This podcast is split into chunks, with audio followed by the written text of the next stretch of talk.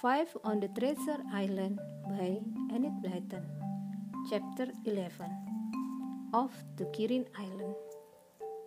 Julian and George went to find Dick and Anne. They were waiting for them in the garden, looking rather upset. They were glad to see Julian and Anne and ran to meet them. Anne took George's hand. I'm awfully sorry about your island, George, she said. So am I, said Dick. Bad luck, old girl. I mean, old boy.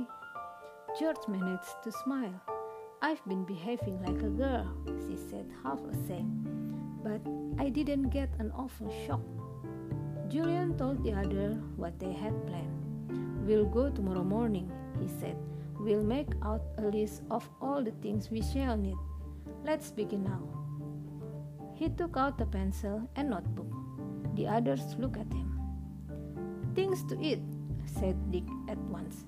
Plenty, because we'll be hungry. Something to drink, said George. There's no water on the island, though I believe there was a well or something years ago that went right down below the level of the sea and was fresh water. Anyway, I've never found it. Food, wrote, Ju- wrote down Julian. And drink, he looked at the others. Spade, he said solemnly, and scribbled the word down. Anne stared in surprise. What for? she asked. Well, we'll want to dig about when we're hunting for a way down to the dungeon, said Julian. Ropes, said Dick. We may want those too. And torches, said George. It will be dark in the dungeon. Oh, said Anne, feeling a pleasant shiver go down her back at the thought. She had no idea what dungeons were like, but they sounded thrilling. Rug, said Dick. We'll be cold at night if we sleep in that little old room. Julian wrote them down. Mugs for drink from, he said, and we'll take a few tools too. We may perhaps need them. You never know. At the end of a half an hour, they had quite a nice long list, and everyone felt pleased and excited. George was beginning to recover from the, her rage and disappointment. If she had been alone and had brooded over everything, she would have been an even worse shock and temper. But somehow the others were so calm and sensible and cheerful. It was impossible to sulk for long if she was with them. I think I'd have been much nicer if I hadn't been on my own so much, thought George to herself as she looked at Julian's bent head. Talking about things to other people does help a lot. They don't seem too dreadful then. They seem more bearable and or- ordinary. I like my three cousins awfully. I like them because they talk and laugh and are always cheerful and kind. I wish I was like them. I'm sulky and bad tempers and fierce, and no wonder father doesn't like me and scold me so often. Mother's a dear, but I understand now why she says I am difficult. I'm different from my cousin. They're easy to understand, and everyone likes them. I'm glad they came. They are making me more like I ought to be. This was a long thought to think, and George looked very serious while she was thinking it. Julian looked up and caught her blue eyes fixed on him. He smiled. Penny for your thought, he said. They're not worth a penny, said George, going red. I was just thinking how nice you all are, and how I wish I could be like you. You're an awfully nice person, said Julian surprisingly. You can't help being an only child. They're always a bit queer, you know, unless they're mighty careful. You are a most interesting person, I think. George flushed red again and felt pleased. Let's go and take Timothy for a walk, she said. He'll be wondering what happened to us today. They all went off together, and Timothy greeted them at the top of his voice. They told him all about their plans for the next day. And he wagged his tail and looked up at them out of his soft brown eyes, as if he understood every single word they said. He must feel pleased to think he's going to be with us for two or three days, said Anne. It was very exciting in the next morning, setting off in the boat with all their things packed neatly at one end. Julian checked them all by reading out loud from his list. It didn't seem as if they had forgotten anything. Got a map? said Dick suddenly. Julian nodded. I put on jeans clean this morning, he said, but you may be sure I remember to pop the map into my pocket. Here it is. He took it out, and the wind at once blew it right off of his hand. It fell into the sea and bobbed there in the wind. All four children gave a cry of utter dismay. Their precious map! Quick, row after it, cried George and swung the boat round. But someone was quicker than she was. Tim had seen the paper fly from Julian's hand and had heard and understood the cries of dismay. With an enormous splash, he leaped into the water and swam valiantly after the map. He could swim well for a dog, for he was strong and powerful. He soon had the map in his mouth and was swimming back to the boat.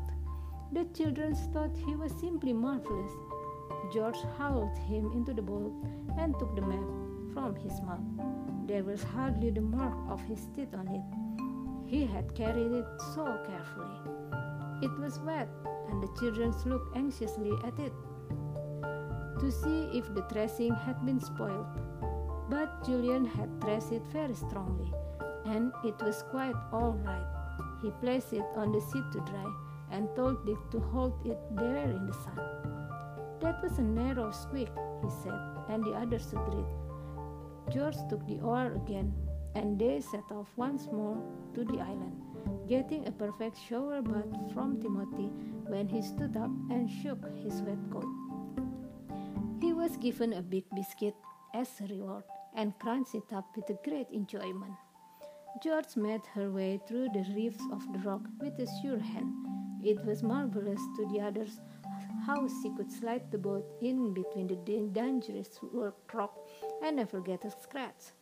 They thought she was really wonderful. She brought them safely to the little inlet and they jumped out onto the sand. They pulled the boat high up in the case the tide came far up the tiny cove and then began to unload their goods. We'll carry all the things to that little stone room, said Julian. They will be safe there and won't get wet if it rains. I hope nobody comes to the island while we are here, George. I shouldn't think they would, said George. Father said it would be about a week before the deeds were signed, making over the island to that man. It won't be his till then. I've I've got a week anyhow. Well, we don't need to keep a watch in case anyone else arrives then, said Julian, who had half thought it would be a good idea to make someone stay on guard in, at the inlet to give a warning to the others in case anyone else arrives. Come on, you take the spades. Dick, I'll take the food and drink with yours, and Anne can take the little things. The food and drink were in a big box, for the children didn't mean to starve while they were on the island. They had brought loaf of bread, butter, biscuit, jam, tins of fruit, ripe plums, bottle of ginger beer, a kettle to make a tea, and anything else they could think of. George and Julian staggered up the cliff with the heavy box. They had to put it down once or twice to give themselves rest. They put everything into the little room. Then they went back to get the collection of blankets and rug from the boat. They arranged them in the corner of the little room and thought that it would be most exciting to spend the night there. The two girls can sleep together on this pile of rock, said Julian, and we two boys will have this pile. George looked as if she didn't want to be put with Anne and class as a girl. But Anne didn't wish to sleep alone in her corner, and she looked so beseechingly at George at the bigger girl smiled at her and made no objection. Anne thought that George was getting nicer and nicer. Well, now we'll get down to business, said Julian, and he pulled out his map. We must study this really carefully and find out exactly under what spot the entrance to the dungeons are. Now, come around and let's do our best to find out. It's up to us to use our brains and beat that man who's bought the island. They all bent over the trash map. It was quite dry now, and the children looked at it earnestly.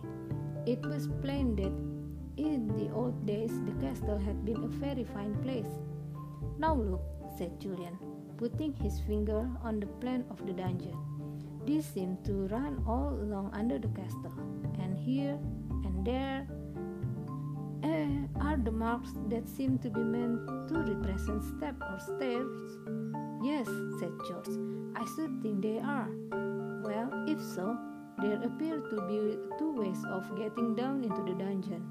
One lot of steps seems to begin somewhere near this little room, and the other seems to start under the tower there. And what do you suppose this thing is here, Julian? She put her finger on a round hole that was shown not only the plans of the dungeon, but also in the plan of the ground floor of the castle. I can't imagine what that is, said Julian puzzled. Oh, yes, I know what it might be. You said there was an old well somewhere. Do you remember? Well, that may be it. I should think I would have to be very deep to get fresh water right under the sea. So it probably goes down through the dungeon too. Isn't it thrilling? Everyone thought it was. They felt happy and excited. There was something to discover, something they could and must discover within the next day or two. They looked at one another. Well, said Dick, what are we going to start on? Shall we try to find the entrance to the dungeon? The one that seemed to start round about this little room. For all we know, there may be a big stone we can lift that open above the dungeon steps. This was a thrilling thought, and the children jumped up at once. Julian folded up the precious map and put it into his pocket. He looked round. The stone floor of the little room was overgrown with creeping weed they must be cleared away before it was possible to see if there were any stones that looked as if they might be moved. We'd better to set to work, said Julian, and he picked up a spade. Let's clear away this weed with our spade, scrape them off, look, like this, and then examine every single stone. They all picked up spade, and soon the little stone room was full of scraping sound as the four of them chiseled away at the close growing weed where they spade. It wasn't very difficult to get the stone clear of them, and the children worked with a will. Tim got most excited about everything. He hadn't any idea at all what they were doing, but he joined in violently. He scraped away at the floor with his four paws, sending earth and plants flying high into the air. Hi, Tim, said Julian, shaking a coat of earth off of his hair. You're being a bit too vigorous. My word, you'll send the stone flying into the air too. In a minute. George, isn't he marvelous the way he joins in everything? How they all work, how they all long to find the entrance to underground dungeon, what a thrill that would be.